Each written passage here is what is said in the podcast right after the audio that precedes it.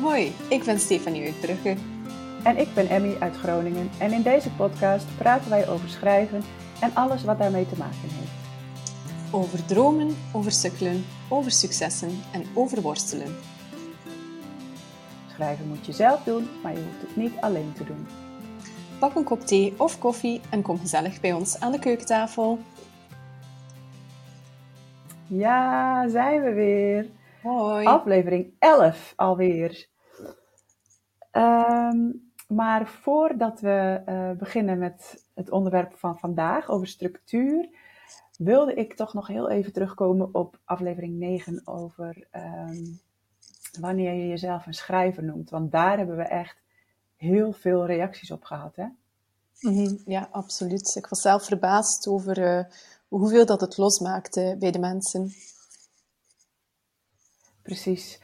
Heel veel mensen die, um, die toch dachten van, goh ja, misschien is dit dan toch het moment om mezelf schrijver te gaan noemen. Um, mm -hmm. We hadden ook een aantal reacties al genoemd in de podcast. Hè? Bijvoorbeeld Stephanie van uh, Your Twisted Sister, die heeft er nog, die was helemaal geïnspireerd ook door het onderwerp en die heeft er nog een mooie blog over geschreven op haar website. En um, Kim van uh, Ware Woordenwereld, die heeft een heel mooi schemaatje gemaakt. Dat heeft ze gedeeld in haar stories. Ik weet niet zeker of je dat nu nog ergens terug kunt vinden, maar een mooi schemaatje, een soort, ja, zo'n soort beslisschema van uh, uh, als je ja, steeds ja antwoordt, dan mag je jezelf schrijver noemen. En als je steeds nee antwoordt, en dat vond ik ook wel heel leuk, dan had ze zoiets van, oké, okay, relax, je hoeft jezelf geen schrijver te noemen. Mm -hmm.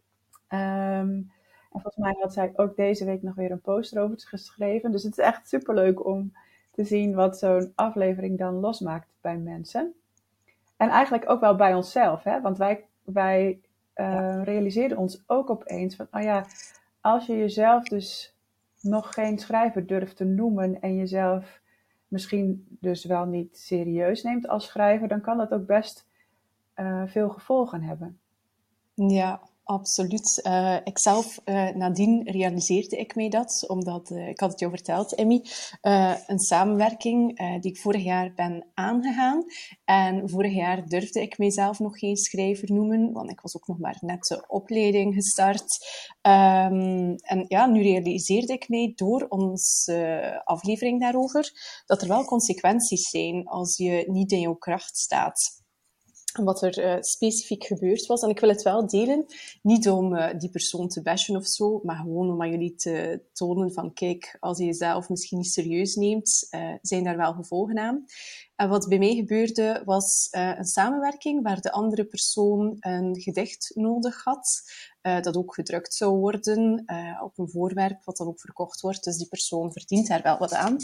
Maar ik dacht van, oké, leuk, tof, die vraagt mij dat. Dat is ook een kans voor mij om mezelf wat in de markt te zetten. Dat is reclame, dus ik ga dat doen. En ik vraag er ook geen centjes voor. Ik was heel dankbaar voor die kans.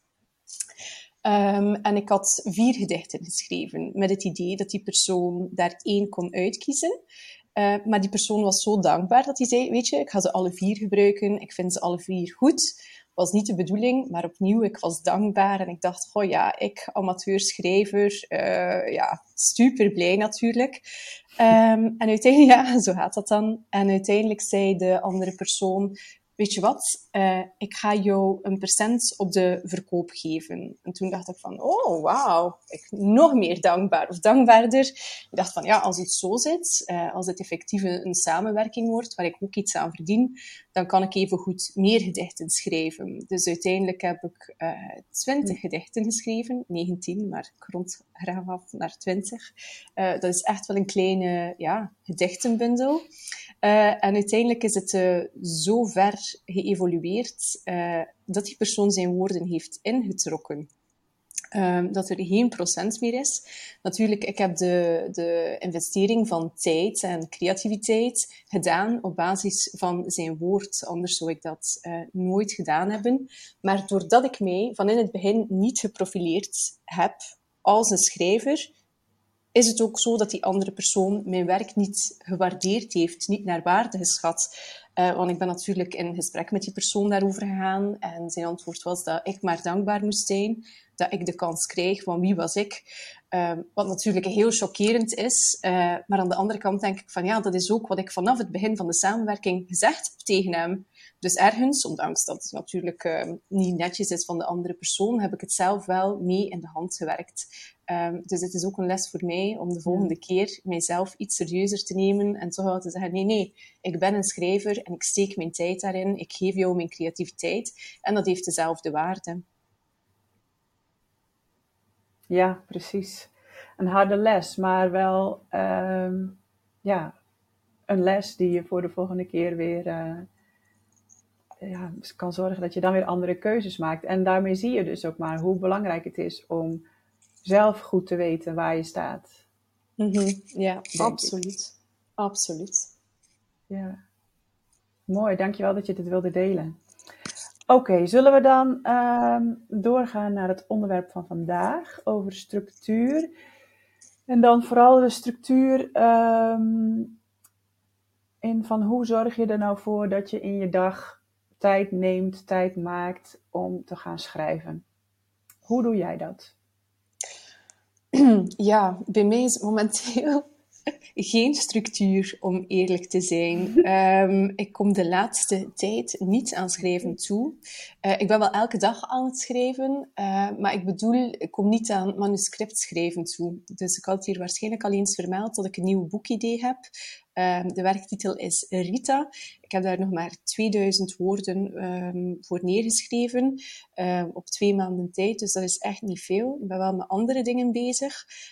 Maar ja, de structuur ontbreekt mij. En ik heb daar een gesprek over gehad met een klasgenoot, omdat deze zomer had ik wel heel veel structuur. Toen heb ik mijn eerste manuscript afgewerkt en heb ik echt elke dag geschreven in blokken.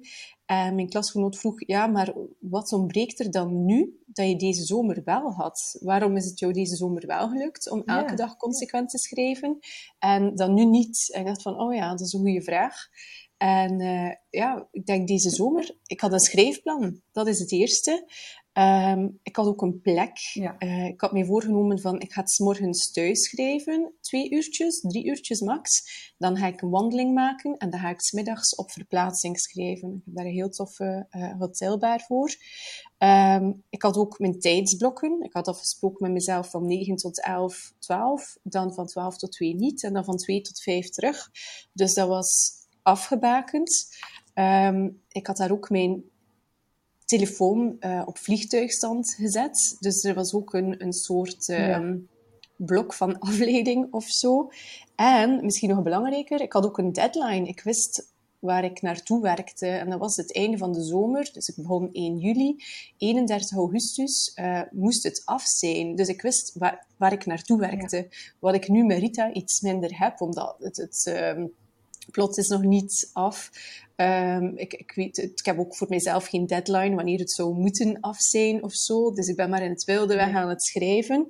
Um, en deze zomer had ik ook een schrijfbuddy, of niet, geen schrijfbuddy. Ik had een uh, vriendin benoemd tot redacteur. dus ik had me daar afgesproken dat we elke woensdag uh, zouden lunchen of, of, wandelen tijdens de lunch. En ik haar elke woensdag uh, mijn nieuw geschreven teksten zou inleveren. En dan de volgende woensdag een nieuwe tekst. En dan zou zij um, de oude tekst terug meebrengen met feedback. Dus ik had eigenlijk echt een systeem. En dat heb ik nu niet. Um, dus ik denk, ik denk dat ik misschien wat van die oude trucken terug uit de doos ga halen. En uh, ja, wat ja, consequenter mee er terug had moeten toeleggen. Ja. Nee, dat is wel grappig, hè? Dat je dan dus ook iemand nog nodig hebt om te zeggen van... hé, hey, maar toen lukte het wel en hoe deed je het dan toen? Ja. Um, en dat het ook niet zomaar lukt om, om voor jezelf het precies weer op die manier te doen die werkte. Ja, nee, het, het, toen, toen die klasgenoot mij dat vroeg, dacht ik echt, oh ja, dit is dom, dat ik er zelf niet aan dacht. Uh, maar daarom is het goed ja. om, uh, om die gesprekken te voeren. Daarom is, is dit ook goed, deze podcast. Ik ben zeker ja. dat er iemand ergens luistert en denkt, oh ja, juist, um, ja, vreemd, heel vreemd dit.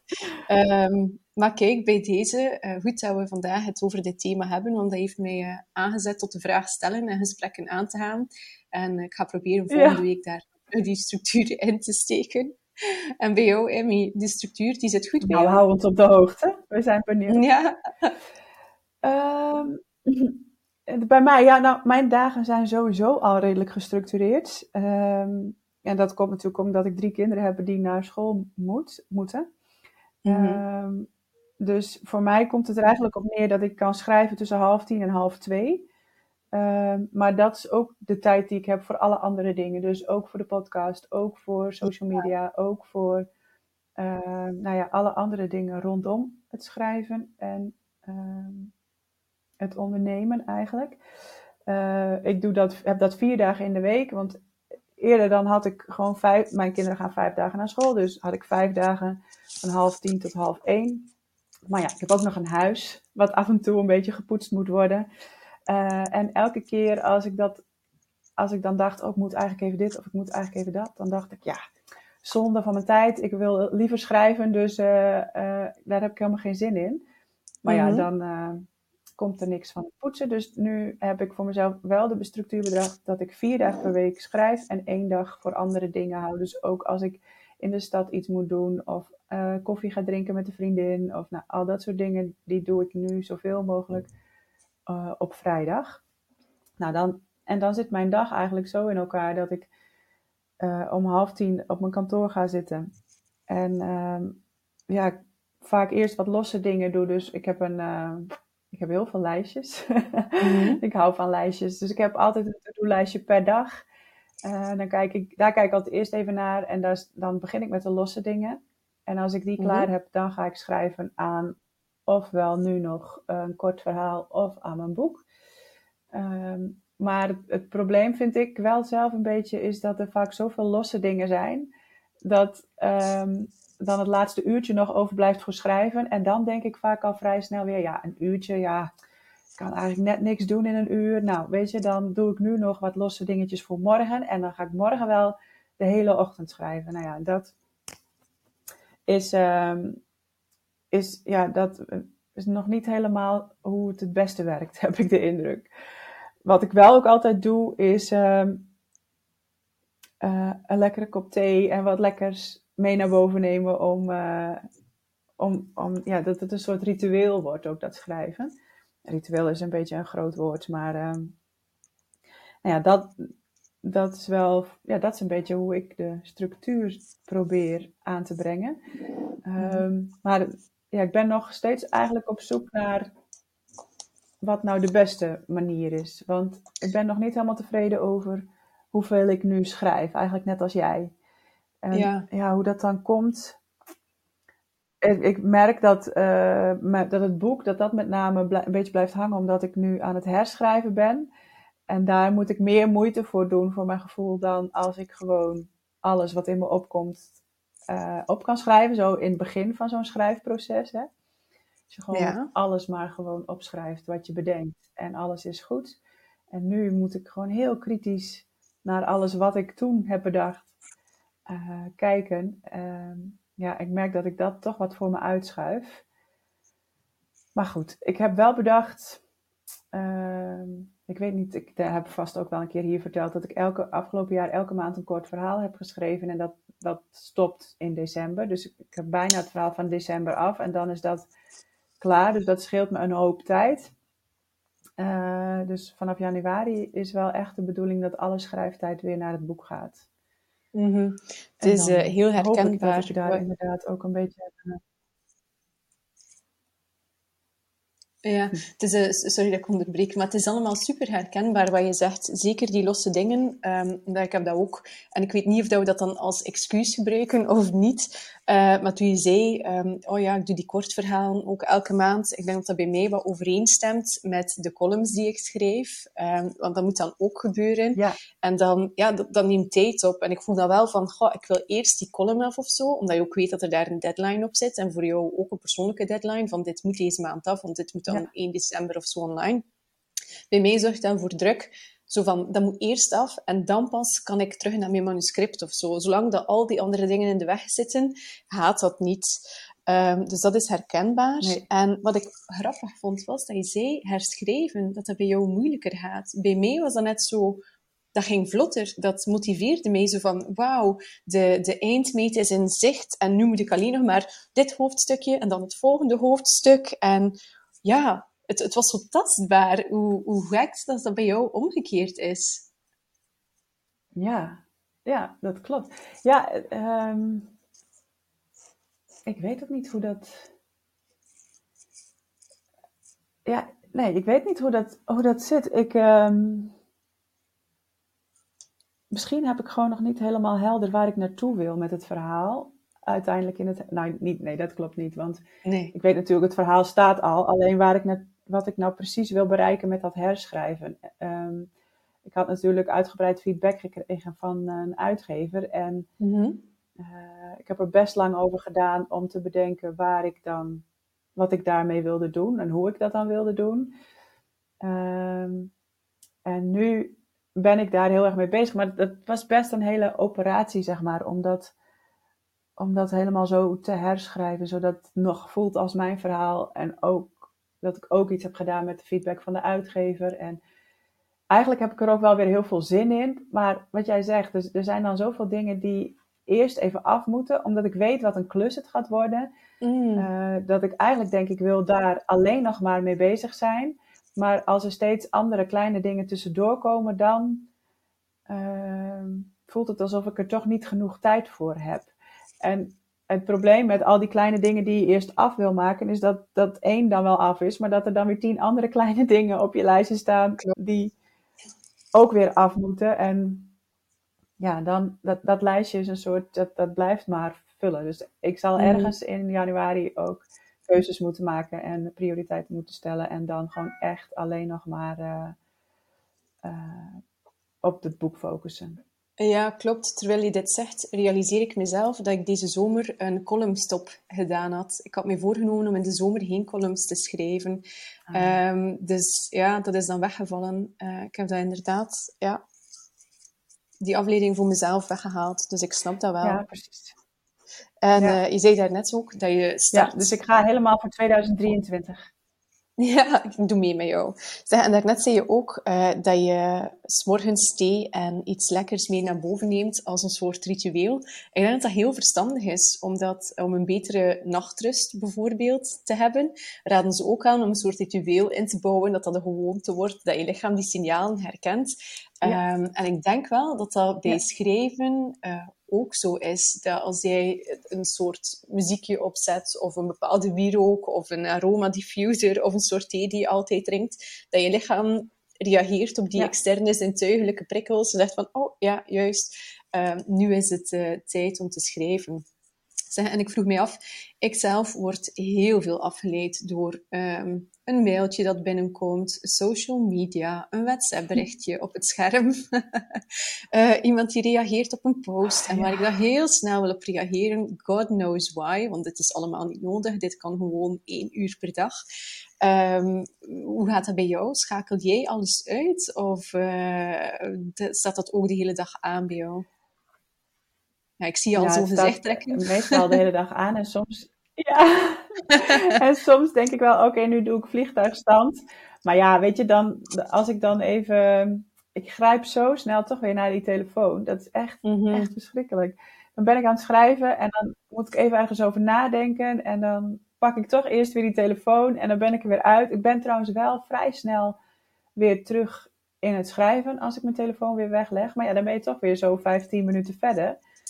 Um, mm-hmm. Ja, dat is heel erg. En dan heb ik dus zelfs, ik heb dus alle notificaties uit. Dus ik krijg geen meldingen van WhatsApp of van mail of mm, van Facebook goed. of Instagram. Dat heb ik allemaal uitgezet. Um, en toch uh, ja, heb ik dan blijkbaar de neiging om steeds wel zelf te gaan kijken. Heb jij notificaties ja. ook uit of niet? Uh, nu wel, tijdens de opname van de podcast. Maar uh, in deze zomer heb ik dat ook consequent gedaan. Maar eigenlijk, uh, ja, nee, nu niet. En ik denk dat onze um, concentratietijdspanne super kort is geworden. Want zelfs als ik een boek lees, merk ik dat ik zo ja, twee pagina's lees. Oh ja, snel even die telefoon. En dan zit ik langer op de telefoon dan dat ik gelezen heb. En dan, oh ja, terug weg. En dan terug in dat boek. En dan, hup, voor ik het weet, neem ik dat terug. Dus ik denk wel dat ik een kleine ehm, telefoonverslaving heb, waar ik van af zou willen raken. En op zich is het niet moeilijk. Mm. Hè? Leg het gewoon in een andere kamer en doe die twee uren of, of doe zelfs de, de klokken weg en zet een wekker. Uh, zelfs als de telefoon in een andere kamer ligt, zal je de wekker ook wel horen. Uh, ja, ik denk, uh, wij leggen het hier allemaal zo goed uit en wij doen het gewoon niet. Dit is zo erg. dat is ook zo. Misschien moeten we voor onszelf ook een soort challenge daarvan maken eh, nu. Dat we het ook gewoon echt gaan doen. Ja, maar kijk, ik, ik voel hier alweer weerstand, omdat ik denk, ja, maar december en ik heb zoveel te doen en ik weet niet goed of het gaat lukken, want ik moet dan naar daar en dan naar daar en ik moet nog dit afwerken. En doen we het in ehm, januari? Ja, voilà. Onder de noemer um, voornemers, voornemens, New Year's resolutions. Um, ik denk dat dat de goede is. Om inderdaad in die blokken dat we schrijven, we schrijven bedoel ik dus manuscript schrijven, um, die telefoon misschien in een andere kamer te leggen. Want zelfs op vliegtuigstand naast mij grijp ik en schakel ik die vliegtuigstand gewoon uit. Ja. precies, dat doe ik ook. Dan denk ik, nou ja, oké, dat is wel een drempel. En als ik dan zie van je moet de vliegtuigstand uitschakelen, dan, mm. dan is dat zo'n drempel dat ik dan denk, oh nee, dan leg ik hem wel weer weg, maar dat doe ik dus niet. Die, die drempel, dat, die is er niet. Dat, dat en is, dan hou ik mezelf uh, mee voor de gek. Ja, dus laten we dat vanaf januari doen. En? ja. Ik ging zeggen, en tussendoor... Uh, oh, je gaat me weer met ons mee. We zitten met vertraging, dus we praten over elkaar, maar het is niet erg. Ja, de luisteraars, wie doet mee? Laat het weten. Of wie doet het al? Of wie, wie ervaart net hetzelfde oh, als ons? Ik kan me inbeelden dat heel veel mensen datzelfde probleem hebben. Als nu blijkt dat wij de enige zijn, en ja. schaam ik me dood.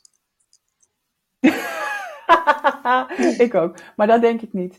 Maar stel dat een van onze luisteraars al een hele goede oplossing ervoor heeft gevonden, dan horen wij dat natuurlijk ook heel graag. Hè? Want ja, wij hebben nu bedacht, we gaan tijdens de schrijfblokken, manuscript schrijven, onze telefoon in een andere kamer leggen. Ik krijg er al zenuwen van als ik het hardop zeg.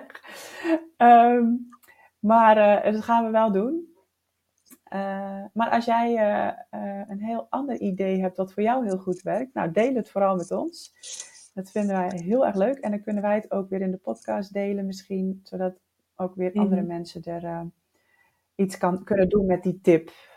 Mm Emmy, ik ga nog even terugkeren naar een tip van Jet Nederland over structuur eigenlijk. Het gaat niet over structuur in ehm, de dag. Het gaat meer over structuur in um, jouw manier van schrijven of in het programma dat je werkt. Wij schrijven alle twee in Scrivener, wat heel makkelijk is om structuur aan te brengen, omdat je daar per uh, hoofdstuk, per scène kan werken. Uh, Jet Nederland schrijft in um, Words. Ik heb daar weinig ervaring mee, maar dat is iets moeilijker blijkbaar om hoofdstukken in aan te brengen. En ze zei, oh, als we jullie over structuur praten, ik heb wel een tip. En dat is om jouw scènes bij te houden in Excel. Um, en dan creëer je eigenlijk in Excel al die hoofdstukken en uh, match je die met Word. Ik vond dat een heel goede tip. Dus uh, ik had die nog nooit gehoord. Uh, en ik dacht, ja, het is wel interessant om nog een keer op de valreep mee te delen hier voor we afronden. Ja. Ja, nou, en ik had ook nog um, op Instagram een poll geplaatst van de week om te kijken van, goh, oh. hoe doen onze luisteraars dat eigenlijk met structuur aanbrengen? Um, en eigenlijk geeft 86% van de luisteraars, van de stemmers aan uh, dat ze mhm. een vaste, tijd hebben, vaste tijden hebben om te schrijven, maar dat ze daar soms wel van afwijken. Um, en er was ook de optie, uh, ik schrijf wanneer ik inspiratie uh, heb. Dat is dan 14%, dus eigenlijk waar, waren dat de enige dingen waarop gestemd is. Maar um, uh, er waren ook nog twee andere opties uh, van structuur. Wat is dat? En uh, ik schrijf alleen maar op vaste tijden en daar hou ik me aan. Nou, daar heeft niemand op gestemd. Dus ehm, ik denk dat het grootste deel van, nou in ieder geval mijn volgers op Instagram en misschien ook wel de luisteraars, vaste tijden plant om, om te schrijven, maar daar wel ook af en toe van afwijkt. En ik denk mhm. ook dat dat misschien wel goed is, want als je heel rigide vasthoudt aan schrijftijden, ja, voor mij zou dat niet werken. Ik weet niet hoe dat voor jou uh, is. Ja, nee, ik denk dat creativiteit zich niet uh, in een klok laat vangen natuurlijk. En dat is een beetje de catch aan uh, schrijven of, of schilderen of wat het ook is van kunst dat je doet. Um, ja, laat zich niet in, in een uur vangen natuurlijk. Dus daar moet je wat flexibel mee kunnen omgaan ook. Precies. Ja, en, en dat is, in die zin is het ook dubbel, denk ik. Hè? Want aan de ene kant, nee, inspiratie laat zich niet dwingen. En aan de andere kant, als je gaat wachten op inspiratie voordat je gaat schrijven, dan heb je ook kans dat er nooit een letter op papier komt. Dus het is altijd een beetje zoeken naar die balans ook tussen inspiratie mhm. en plannen, denk ik. Mhm. Nee, klopt. En ik ga nu weer iets heel tegenstrijdigs zeggen. Ehm, maar in de les raden ze ook aan om soms gewoon te blijven zitten. Omdat het dan toch uiteindelijk komt. En dan denk ik van, oh, dit is zo'n tegenstrijdig advies allemaal. Maar de keyword is balans, inderdaad, Emmy. Uh, die balans vinden en daar uh, goed mee kunnen omgaan. Denk het ook. Yes, nou volgens mij is het een mooie conclusie van deze aflevering. Ehm, wat ik nog even wil noemen is dat we in de volgende aflevering weer een gast hebben. En deze keer is dat Gertjan van der Bemt. En met hem gaan wij praten over uiteraard zijn schrijfproces, maar ook over zijn laatste boek, Branco en Julia. Uh, wat heel erg gaat over schrijven naar aanleiding van oude foto's. Dus ik ben heel benieuwd wat hij daarover kan vertellen. Ja, ik ook. Ik heb het boek gelezen en uh, ja, ik, ik heb 101 vragen eigenlijk. Ik weet nog niet goed uh, hoe ik het ga moeten sturen en welke richting het gaat uitgaan. Uh, omdat ik niet enkel benieuwd ben naar het boek, maar ook ja, um, zijn achtergrond. Hij heeft in um, ja, amper vijf jaar drie romans uitgebracht. En dan denk ik, wow. Um, Lagen die al jaren op het schap uh, of zo? Of, of is die echt toen pas begonnen met schrijven? Uh, ja, ik ben, ben super benieuwd uh, naar het gesprek. Um, ik denk dat het weer zeer waardevol zal zijn. Zeker, zeker. Hey, voor nu, leuk dat je weer hebt geluisterd. Als je onze podcast leuk vindt, kun je ons helpen door een review te schrijven of een beoordeling te geven. Vijf sterren of zo. Daardoor komen wij hoger in de lijsten en help je nieuwe luisteraars om ons te vinden. Deel de podcast ook gerust in je netwerk of op social media en tag ons dan even. Wij vinden het superleuk om te weten wie je luistert. Heb jij vragen of is er een onderwerp waar jij onze mening of ervaringen over wil horen? Of is er iemand die je graag als gast in Schrijfpraat zou horen? Laat het ons dan weten. Dat kan via Instagram, at Stefanie underscore Insta en at Emmy de Vries. Yes. Tot volgende week. Doei.